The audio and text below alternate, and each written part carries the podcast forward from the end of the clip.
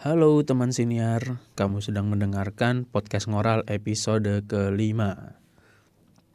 Nah episode kelima ini aku mau cerita tentang film Netflix, satu film Netflix yang baru selesai aku tonton.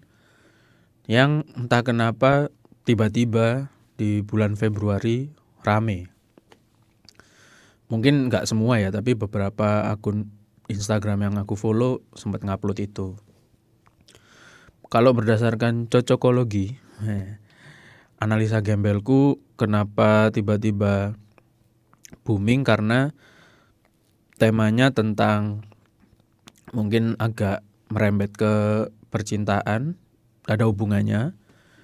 Dan memang uh, publishnya Februari, sedangkan Februari kan ya kita tahu untuk uh, beberapa kaum, beberapa kaum untuk yang merayakan ya pasti akan merayakan yang namanya Valentine, hari kasih sayang. Ya meskipun Valentine sebenarnya nggak harus untuk yang punya pasangan ya, yang jomblo. Kayak aku juga sebenarnya bisa aja. Tapi kayak beda gitu kalau ada pasangan. Wah, curhat malah. Oke. Jadi uh, film ini judulnya Tinder Swindler. Dari judulnya kan udah kelihatan kenapa kok aku tadi bilang ada hubungannya sama uh, bulan kasih sayang Valentine Day. Ya karena Tinder sendiri dari judulnya udah kelihatan Tinder itu salah satu um, aplikasi dating ya salah satu dating apps dari sekian banyak dating apps sebenarnya. Cuman sepertinya Tinder yang uh, apa ya secara marketing secara iklan paling mencuri perhatian gitu. Dan yang main Tinder juga kan uh, apa semua kalangan ya. Maksudnya cowok cewek juga main. Dan rentang umurnya juga macem-macem. Jujur aku sih nggak uh, ikutan main Tinder ya. Nggak install juga. Jadi sebenarnya nggak nggak paham detailnya. Tapi ya sedikit banyak tahu lah cuman sekedar tahu aja. Karena selain Tinder banyak kan aplikasi dating yang lain tapi kayak ada kekhususannya sendiri-sendiri. Itu ada Bumble kalau nggak salah itu juga mungkin beda cara mainnya atau gimana nggak nggak paham juga sih. Nah si film Tinder Swindler ini dari judulnya udah ketahuan kan penipu Tinder gitu jadi ceritanya ya tentang salah seorang pria yang menggunakan Tinder bukan hanya untuk malah bukan untuk cari jodoh tapi untuk melakukan modus-modus penipuan. Nah, ini film dokumenter dan recommended juga untuk ditonton.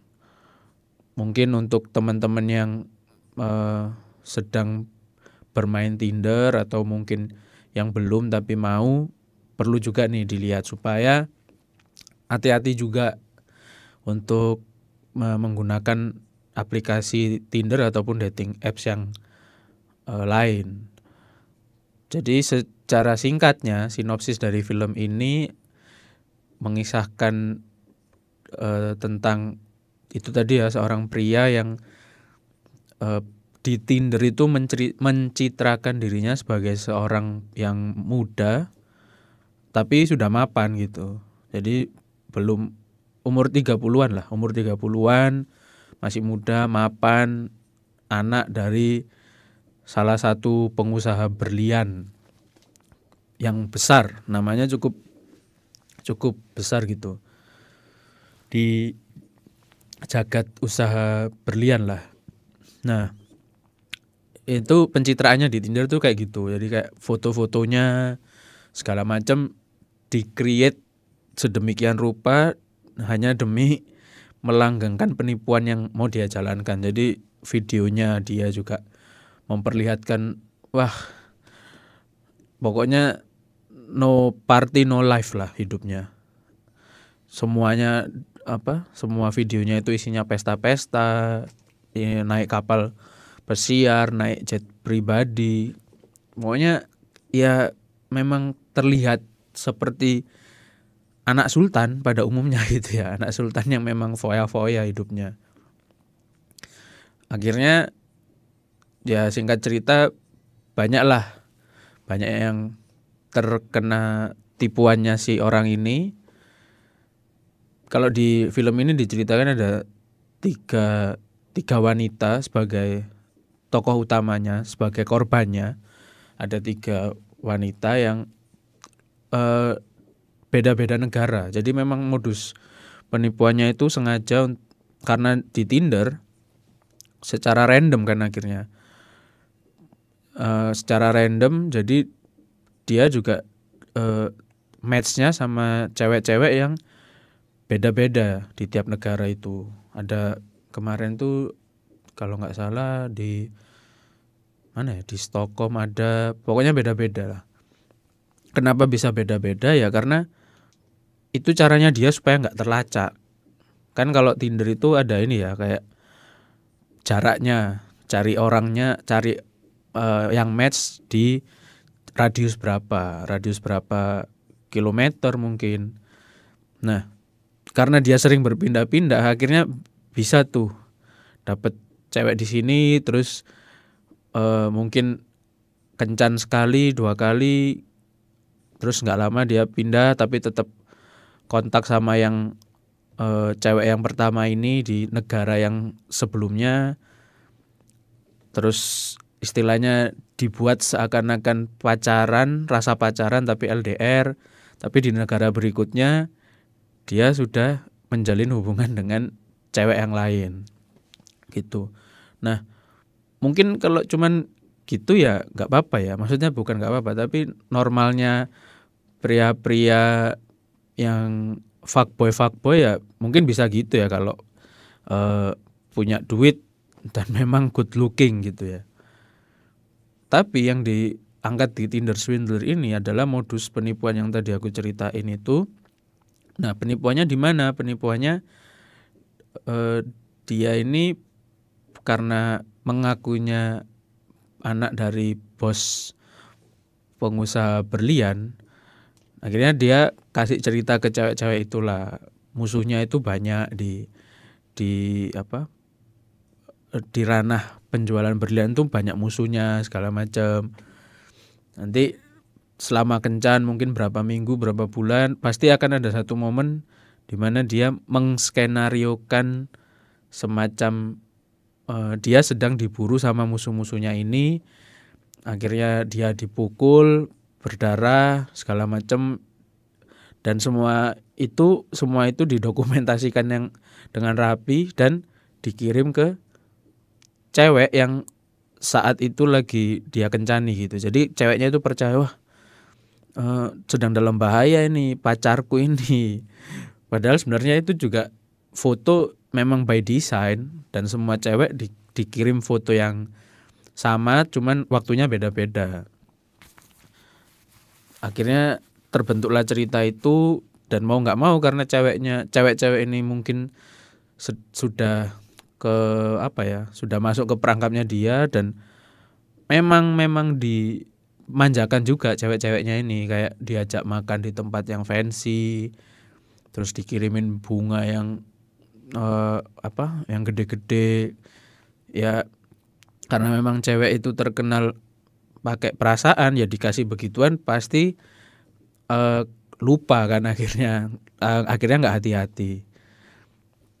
Nah akhirnya ke terbentuklah cerita yang tadi dan itu selalu berulang polanya selalu sama. Kencan terus ceweknya seneng diajak tidur di hotel segala macem nggak lama kemudian pasti akan dikirimin foto-foto yang memperlihatkan kalau dia sedang kesusahan yang di mana itu dianiaya sama musuh uh, musuh dari perusahaan yang katanya papanya itulah.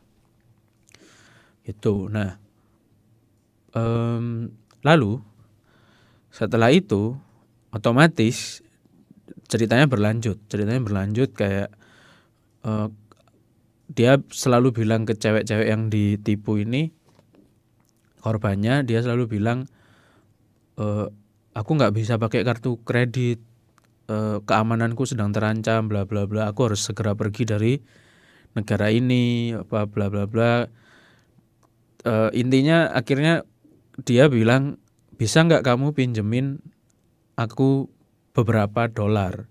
Beberapa dolar ini bukan beberapa mungkin kalau kita orang-orang biasa anggapnya ya paling seratus ribu dua ratus ribu rupiah ya maksudnya. Tapi dia nggak dia benar-benar minta itu harga misalnya dua puluh lima ribu US dollar sepuluh ribu tapi terus gitu. Dengan alasan ya itu tadi dia lagi dari masa kabur dari musuhnya terus harus pindah-pindah negara apa segala macam masalah keamanan lah bla bla bla itu. Nah si cewek korban-korban ceweknya ini karena mungkin balik lagi merasa iba atau gimana ya dikirimin terus setiap kali dia bilang aku butuh ini untuk ini aku butuh ini untuk uh, misalnya sewa apartemen supaya nggak diikutin sama musuhku ya tetap dikirimin. Tapi pinternya orang ini pinternya si pelakunya dikirimin itu sebelumnya sudah uh, bilang kartu kreditku kartu kreditku yang pelaku ini udah nggak bisa kepake karena harus aku tutup segala macam aksesnya supaya nggak bisa dilacak. Akhirnya e, disuruhlah si cewek-cewek ini untuk buka rekening bank sendiri atas nama mereka supaya bisa dapat uang pinjaman. Supaya bisa dapat uang pinjaman. Nah uang pinjamannya ini dikasihkanlah ke si pelaku ini. Jadi eh, ada tiga sih. Dari tiga cewek ini cara ngasih ngasih uang ke pelakunya ini beda-beda. Yang pertama dia melakukan yang itu tadi, jadi dia bikin kartu kredit, akhirnya kartu kredit dengan namanya dia yang dipakai minjem-minjem uang terus sampai kalau nggak salah total 250 ribu US dollar dan itu yang dia ke kasihkan ke si pelaku ini. Jadi sebenarnya yang tercatat di bank ya tetap namanya korbannya. Meskipun uangnya dipakai sama si pelaku. Itu yang pertama. Cewek kedua nggak eh, sampai kredit, nggak sebanyak nggak sebanyak kredit yang cewek pertama karena cewek pertama ini sampai kredit ke 9 bank, bayangin 9 bank. Dan yang kedua ini menguras tabungannya. Jadi kalau untuk berhutang di bank dia nggak sebanyak yang cewek pertama tapi tabungannya juga kekuras itu. Padahal cewek yang kedua nabung itu untuk beli apartemen untuk tinggalnya. Yang ketiga eh, nggak eh, diceritain detail eh, dia ngasih pinjamannya kayak gimana, ngasih uang itu ke cowok itu gimana, tapi justru yang ketiga ini yang paling menarik. Nanti ke, kita bahas di akhir-akhir. Nah, jadi balik ke yang cewek pertama dulu. Um, setelah setelah berjalan itu semua dramanya baru baru ketahuan lah baru cewek ini merasa aneh. Kok nggak pernah dilunasi? Utangnya kok nggak kok nggak selesai selesai gitu masalahnya intinya. Sampai pada akhirnya ada di satu momen pelakunya masih hebatnya pelakunya ini masih bisa komunikasi sama cewek-cewek yang uh, yang dia apa ya yang dia masukin ke perangkapnya dia.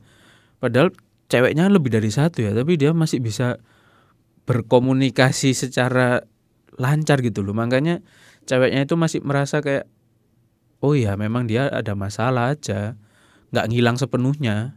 Gitu kayak LDR gitu kan. Maksudnya kalau LDR kan nggak hilang itu lama ya. Nanti hilang sebentar mungkin karena ada apa terus balik lagi di chat aktif online lagi. Semacam itu tapi cara ngelola komunikasinya uh, aku akuin gokil sih maksudnya jago banget loh. Banyak dari banyak cewek beda-beda negara dia juga sering pindah-pindah supaya nggak ketahuan tapi masih bisa keep contact. Wah keren keren banget lah. Terus akhirnya sempat satu momen mungkin dia merasa si pelaku ini merasa kayaknya harus melakukan sesuatu supaya percaya ini ceweknya. Akhirnya ditransfer lah sejumlah uang ke cewek yang pertama. Uh, supaya paling enggak dia wah tak pikir dia mau bawa kabur uangku ternyata enggak. Karena dan bodohnya si cewek yang pertama sebenarnya yang dikirim pelaku ini kan cuman ini ya apa kayak bukti transfer gitu loh. Bukti transfernya doang ini lo sudah tak sudah aku kirim. Dan itu via WhatsApp jadi ini udah aku kirim buktinya ini ada struknya segala macam dan memang yang dikirim itu tulisan di struknya jauh lebih besar dari yang cewek ini pinjamkan. Nah mungkin secara psikologis karena cewek ini niatnya murni ngebantu ketika dikembalikan itu jauh lebih besar dari yang dipinjemin luluh lagi akhirnya. Jadi kayak wah kamu akhirnya bales chat si pelakunya. Baik banget ini jauh banget dari yang aku pinjemin kemarin. Nggak usah segininya. Akhirnya sama pelakunya pelakunya merasa di atas angin ya udah dibales lagi. Nggak apa-apa aku sayang kamu lah apa segala macem. Dan setelah uh, lama berselang diceklah ke bank. Ternyata memang nggak pernah masuk itu uang yang dikirim. Jadi ya itu apa ya itu struk palsu lah. Struk pengiriman uang palsu. Bukan uangnya pak bukan uangnya palsu tapi struk pengirimannya. Kan sering ya modus-modus penipuan apa ini saya ini sudah saya transfer ternyata struknya palsu. Kan kita juga sering ngalamin uh, apa viral-viral di medsos di Indonesia kan. Itu kayak gitu. Akhirnya bergulir terus sampai akhirnya si uh, cewek yang pertama ini terakhir ketemu sama pelakunya itu masih menyerahkan uang pinjaman yang terakhir secara cash dan itu ketemu langsung sama pelakunya. Terus habis itu eh, pelakunya juga masih janji nanti akan dikembalikan. Habis itu pulang. Pulang dan hilang. Habis itu hilang kontak lalu berlanjut ke cewek kedua dan cewek kedua mirip-mirip. Cewek kedua itu mirip-mirip uh, kasusnya.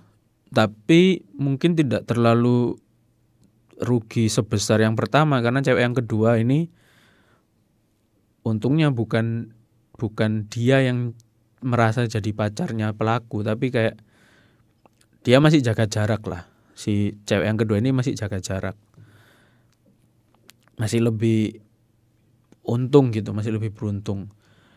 Habis cewek yang kedua cewek yang ketiga. Cewek yang ketiga ini posisinya hampir posisinya sama seperti cewek pertama yang dianggap pacar jadi uh, sampai tidur di hotel bareng apa segala macam bener-bener udah kayak pacaran gitu.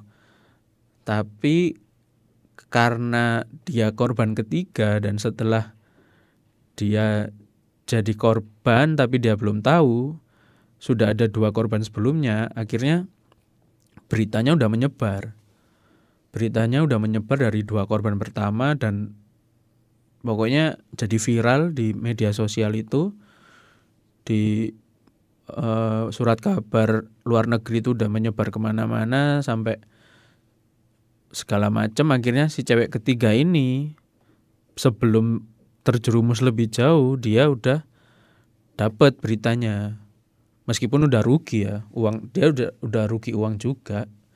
Tapi udah tahu berita itu lebih awal daripada dua sebelumnya. Akhirnya titik balik si pelaku ini akhirnya jatuh ya di cewek ketiga. Karena cewek ketiga ini tahu eh, bakal ditipu dan orang ini penipu akhirnya dia tipu balik nah ini titik balik filmnya itu di sini. Dia tipu balik e, singkat cerita karena mungkin orang ini memang penipu akhirnya saking pedenya dia nggak sadar kalau lagi ditipu sama cewek ketiga ini. Akhirnya suatu malam mereka tidur bareng apa segala macem. Dan memang berita viral itu mempengaruhi si pelaku ini mau nggak mau. Meskipun mungkin belum ketangkep belum bisa ketangkep polisi atau gimana tapi mukanya dia itu udah kesebar di sosmed. Semua berita bahas soal dia. Jadi dia nggak ketangkep tapi nggak bisa lari ke mana-mana lagi gitu. Akhirnya dia stres segala macem dia cuman bisa berharap ke cewek ketiga. Nah di momen itu cewek ketiga inilah yang menyadari wah ini kayaknya kesempatanku nih. Ini kayaknya momen untuk membalas. Akhirnya beneran dibalaslah dengan cara semua barang-barang yang dia si pelaku ini beli dari uangnya cewek-cewek itu itu si cewek ketiga ini menawarkan kan kamu butuh uang nih aku nggak ada uang. Tapi gimana kalau semua bajumu semua apa outfitmu ini kan mahal-mahal. Aku bantu jualin. Nah kebetulan cewek ini memang kerja di salah satu apa ya pokoknya bisnis fashion juga. Dia salah satu manajer lah. Nah karena latar belakang itu si penipu ini justru akhirnya percaya ya udah bawa aja nanti tolong kirim uangnya akhirnya tiga koper penuh outfit outfit yang memang bagus-bagus kayak Chanel, Gucci itu dibawa sama cewek ketiga ini. Tujuannya sih cuma satu. Dia mau uangnya balik gitu aja.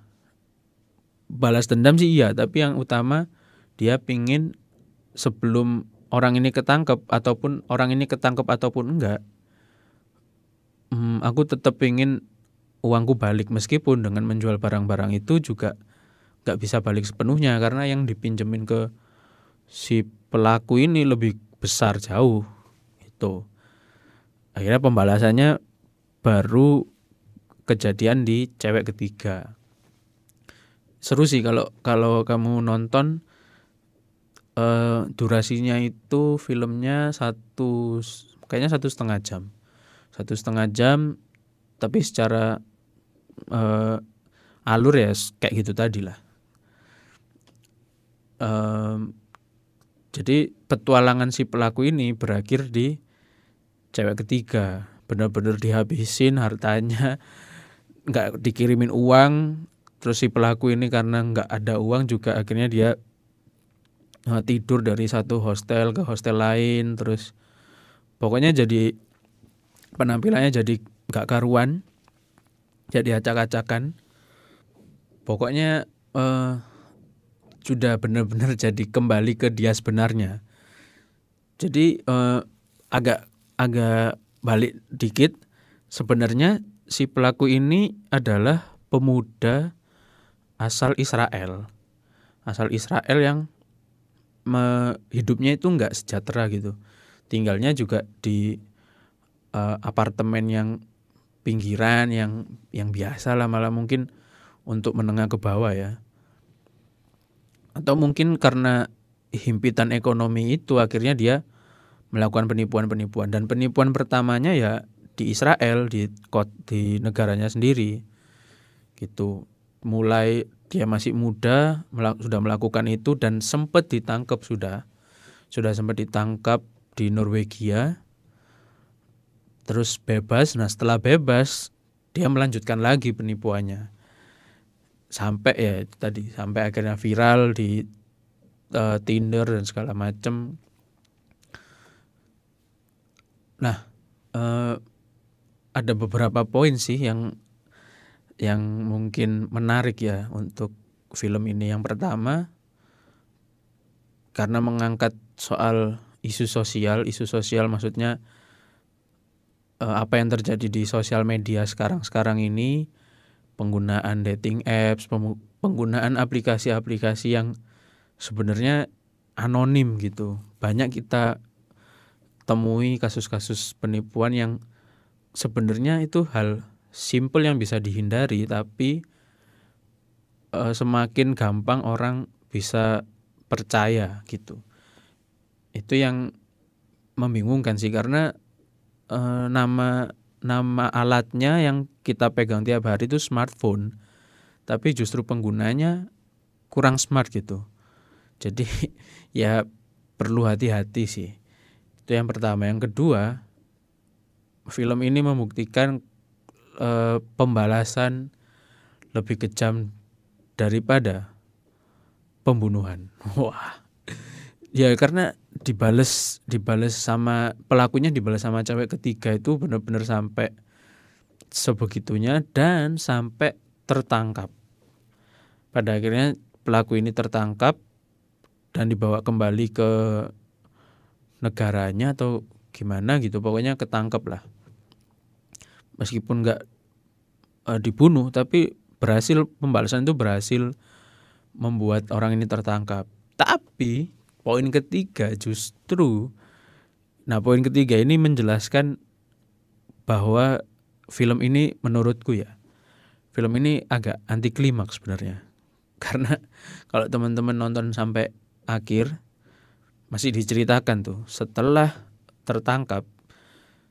Jadi kalau nggak salah eh, pelaku ini udah putus asa akhirnya dia bilang ke cewek ketiga sebenarnya eh, cuman kamu harapanku tapi kamu eh, nggak mau berpihak sama aku ya udah aku harus kembali ke kalau nggak salah dia bilang kembali ke kotanya sih ke Israel ke negaranya ya sorry.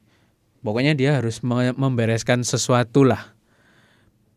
Nah dari yang dia bilang itu cewek ketiga ini bisa ngelacak ngelacak uh, dia berangkat itu naik apa ternyata naik pesawat terus akhirnya terus akhirnya bisa kelacak juga jam berangkat pesawatnya itu jam berapa, sampainya jam berapa di apa tempat tujuan. Jadi pinternya cewek ketiga ini langsung menghubungi eh, kepolisian di tempat tujuannya pelaku ini ngomong kalau si ini nih yang kamu cari yang lagi buron ini lagi terbang nih ke sana bakal sampai jam segini jam segini penerbangannya ini dan bener lewat email itu yang singkat itu uh, akhirnya pihak berwajib berhasil menangkap pelaku ini. Nah, klimaks dong. Tapi jangan sedih. Anti klimaksnya adalah after creditnya ternyata diungkap bahwa uh, setelah persidangan dan macam-macam pelaku ini benar ditahan selama 15 bulan. Bayangin. Padahal yang ditipu itu bukan cuma tiga cewek yang ada di film ini. Sebenarnya masih banyak. Tapi dia ditahan 15 bulan. Dan belum sampai situ aja. 5 bulan, 5 bulan berjalan, habis itu dia bebas. Bayangin, ayo bayangin. Gimana bisa? Gimana bisa udah melakukan uh, apa ya istilahnya penipuan gitu tapi bebas dan katanya ya sampai hari ini sampai hari ini tuh dia masih hidup hidup mewah kayak nggak kayak nggak nggak kejadian apa-apa gitu sebelumnya jadi tetap hidup layaknya anak sultan padahal di berita segala macam sudah muncul kalau uh, dan membuktikan dengan benar kalau dia ini bukan anak bos berlian bos berliannya keluarganya juga udah konfirmasi. Dia bukan keluarganya mereka apa segala macem. Tapi masih masih berlangsung itu. Dia masih hidup ya kayak orang kaya kaya orang kaya. Gitu. Jadi wow men. Dan cewek tiga cewek tadi ya masih hidup untuk melunasi utang-utangnya mereka ke bank. Yang di mana utang-utang itu untuk pelaku sebenarnya dikirimin untuk pelaku. Nah nggak tahu ya mungkin tiap negara ada dan pastinya sih pasti ada regulasi yang beda. Cuman hmm, se gimana ya secara secara regulasi mungkin orang ini memang tidak bisa dipenjarakan karena yang meminjam uang di bank kan bukan atas nama dia tapi nama cewek-cewek ini.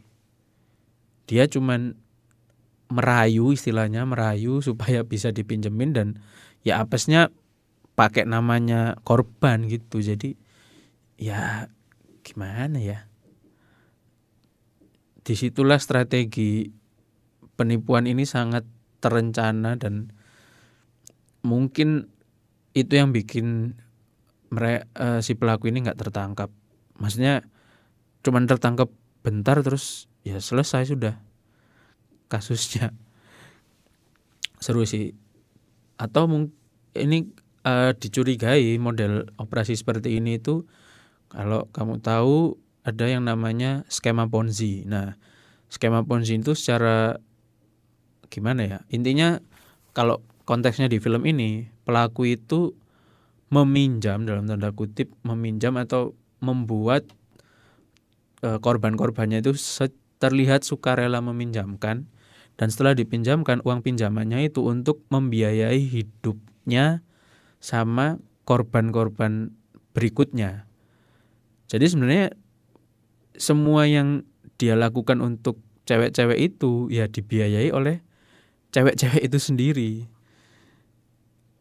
Kayak di apa ya diputar-putar aja sih uangnya. Jadi cewek pertama kena um, kena jebakannya kencan sama dia segala macem. Akhirnya ujung-ujungnya dimintain uang dikirim sama cewek pertama uangnya uang itu untuk hidup mewah pelaku sama cewek kedua dan seterusnya dan seterusnya. Nah itu kalau di film ini sih katanya mirip skema ponzi. Nah untuk detailnya skema ponzi seperti apa silahkan cari di Google banyak. Mungkin karena itu yang itu yang menyebabkan akhirnya susah terlacak giliran udah terlacak susah ketangkep giliran udah ketangkep. Ternyata hukumannya ya gak bisa dibilang berat juga akhirnya.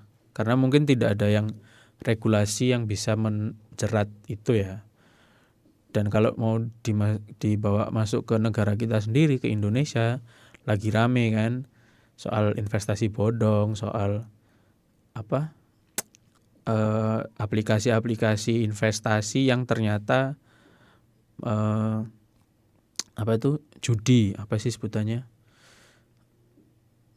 Uh, bentar. Uh, sebutannya kalau nggak salah binary binary option. Nah binary option itu uh, permainan judi yang di uh, permainan judi yang istilahnya apa ya tampilannya tampilannya dibuat seakan-akan itu investasi. Nah itu lagi rame banget. Dan ya itu mungkin uh, cara dulu ya dulu kita sempat ngerti iklan yang apa 10 orang 10 ribu orang tidak percaya kalau dia bisa menghasilkan uang dari rumah segala macam itu. Itu sempat viral meledak dan aplikasinya juga meledak. Tapi lama kelamaan akhirnya kebongkar. Begitu kebongkar eh, pakai cara lain. Nah cara lainnya ya akhirnya muncul influencer-influencer muncul konten-konten kreator yang eh, apa ya menunjukkan kalau wah belum usia 30 masih usia 20-an, masih muda tapi udah bisa beli Ferrari, udah bisa beli Lamborghini, udah punya rumah. Karena main aplikasi ini, karena saya berinvestasi di sini ya. Dan banyak yang ketipu juga karena itu ternyata bukan investasi ya, tapi ya itu tadi judi yang dikemas kayak investasi. Jadi buat teman-teman di masa yang modern ini lebih hati-hati lagi pakai aplikasi online apa pun itu mau investasi mau itu uh, dating apps hati-hati aja. Karena uh, alatnya ada aja alatnya aja udah smartphone so kita juga harus jadi smart user. Oke sampai ketemu di episode ngoral selanjutnya. Salam siniar